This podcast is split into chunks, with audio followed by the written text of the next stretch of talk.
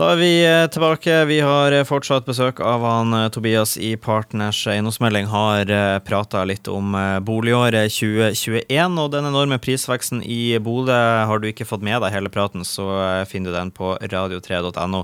Så du kan klikke deg inn der, så finner, du, så finner du praten i sin helhet om prisveksten og, og prognosene for året som kommer, som vi har prata litt om. Nå skal vi gå over til noe, noe, annet som er helt nytt. og Hvis du har tenkt å selge bolig, ja, en eller annen annen gang i resten av ditt liv, så vil jo uh, det her uh, være veldig relevant uh, for deg der ute. Så her er det jo bare å, å, følge med. Og det er jo en ny lov som tredde i kraft 1.1. Anvendingsloven, eventuelt endring av loven, kan man vel heller kalle det. Så først og fremst så kan, du jo, kan du jo bare forklare eller redegjøre kort da, hva, hva er det som har endra seg fra 31.12.2021 til 1.1.2022? Det skal jeg gjøre. Eh, avhendingsloven eh, regulerer jo kjøp og salg av eh, brukt eiendom i Norge. Og det man kanskje mange har fått inntrykk av, at nå er det kommet en helt ny lov. Det er det jo ikke. Det er jo rettere sagt gjort en revidering av avhendingsloven, og så er det laga nye forskrifter som skal følges. Hovedendringa i avhendingsloven er at det fjerna en unntaksparagraf som gjorde at en bolig kunne selges as is, eller som den er. Og eh, fra 1.1.2022 så kan ikke boliger selges as is. Altså, de kan ikke selges som de er. Og da lurer man jo på hvordan skal man det ellers? Ja, tenk, først jeg tenkte jeg bare sånn Ja, ok, skal, skal, jeg skrive at det er et hvitt hus, men så er det egentlig et blått hus? Ikke sant, ikke sant. Hva, hva, hva, vil det si? Ja, eh, og eh, grunnlaget her er det at når en bolig ble solgt eh, som den var, med det forbeholdet som det ga muligheten for å gjøre, så kunne det være en del feil og mangler ved boligen som eh, kjøper da eh, måtte påregne og avdekke seinere. Eh, og, og i, da i, i, neste omgang reklamere mot selger. Eh, det har jo medført at det har vært ekstremt mange eh, reklamasjoner. Det har vært mye tvistesaker. Rettssystemet har vært overarbeid med mye boligreklamasjoner. Eh, så man nå prøver å se eh, om man klarer å få, få, bort, rett og slett, med at det stilles større krav til både selger. Det stilles også større krav til kjøper. Eh, og for å løse det her, så eh, er det stilt andre krav til eh, takstmann og til megler. Så nå er det da eh, lagt opp at eh, som boligselger så er du rett og slett nødt til å fortelle absolutt alt. Du, du har ikke noen mulighet til å, eh, å, pynte litt på det her og få det til å fremstå bedre enn det.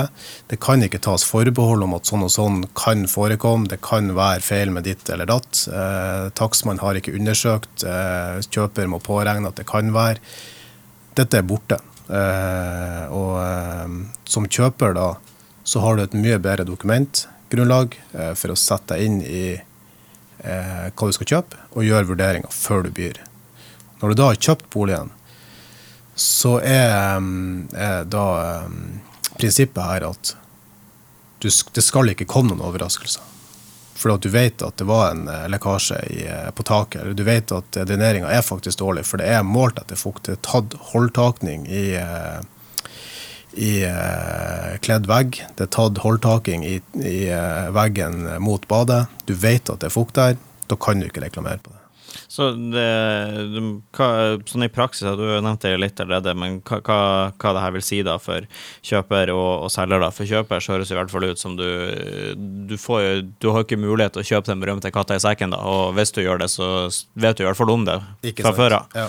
Det gjenstår jo selvfølgelig å se, for det her er jo, eh, det er jo nytt for oss òg i, i meglerbransjen selvfølgelig, eh, og takstbransjen. Men det har jo vært gjort eh, enormt stykke arbeid i løpet av 2021. Selvfølgelig tida før det òg, men høsten 21 så var det jo i sluttfasen med å få på plass disse rapportene som takstmann eller bygningssakkyndig, er det vel det skal hete nå. Ja som de skal utarbeide. Eh, og de er jo da direkte i tråd med forskriften som er linka opp mot eh. Eh, det skal gjøres så grundige undersøkelser, og det gis tilstandsgrad på alle bygningskomponentene. Da vil du som kjøper ha et bedre grunnlag. Ja.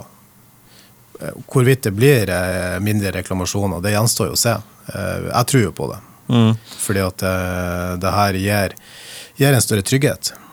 Megler, som megler så må vi også sette oss inn i det takstmannen sier, på en helt annen måte. Vi er nødt til å formidle det på en forståelig måte til kjøperne. Selger må fylle ut egenerklæringsskjemaet sitt enda mer nøye nå enn tidligere.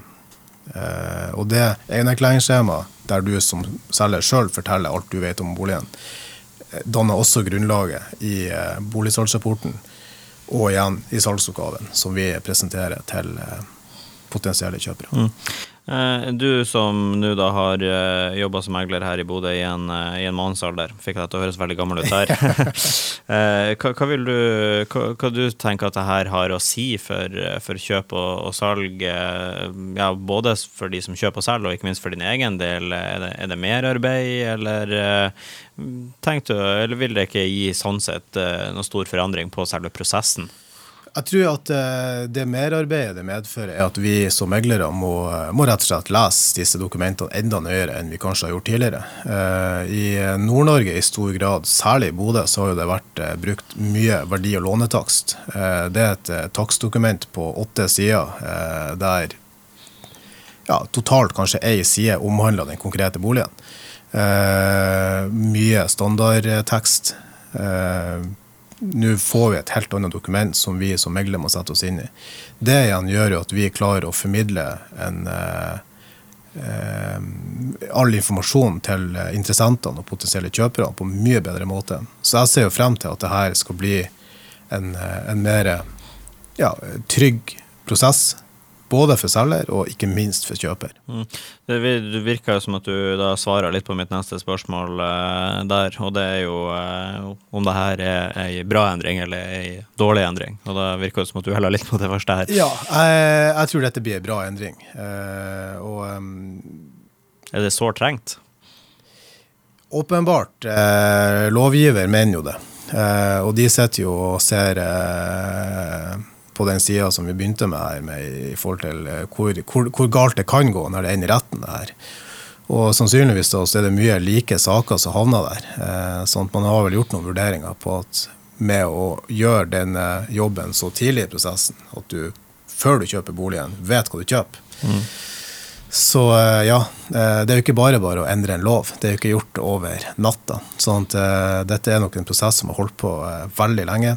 Eh, og de involverte eh, har, hatt et bra grunnlag for å komme frem til denne eh, loven som vi nå skal jobbe etter. Vi snakka jo litt eh, tidligere når vi snakka om prisveksten, hvem som var vinnerne og, og taperne av at prisene har økt så mye i Bodø. Hvis man skal snakke om vinnerne og taperne her, så er det vel da sannsynligvis advokatene som er taperne av denne, denne lovgivninga. Ja. Får man håpe, i hvert fall da.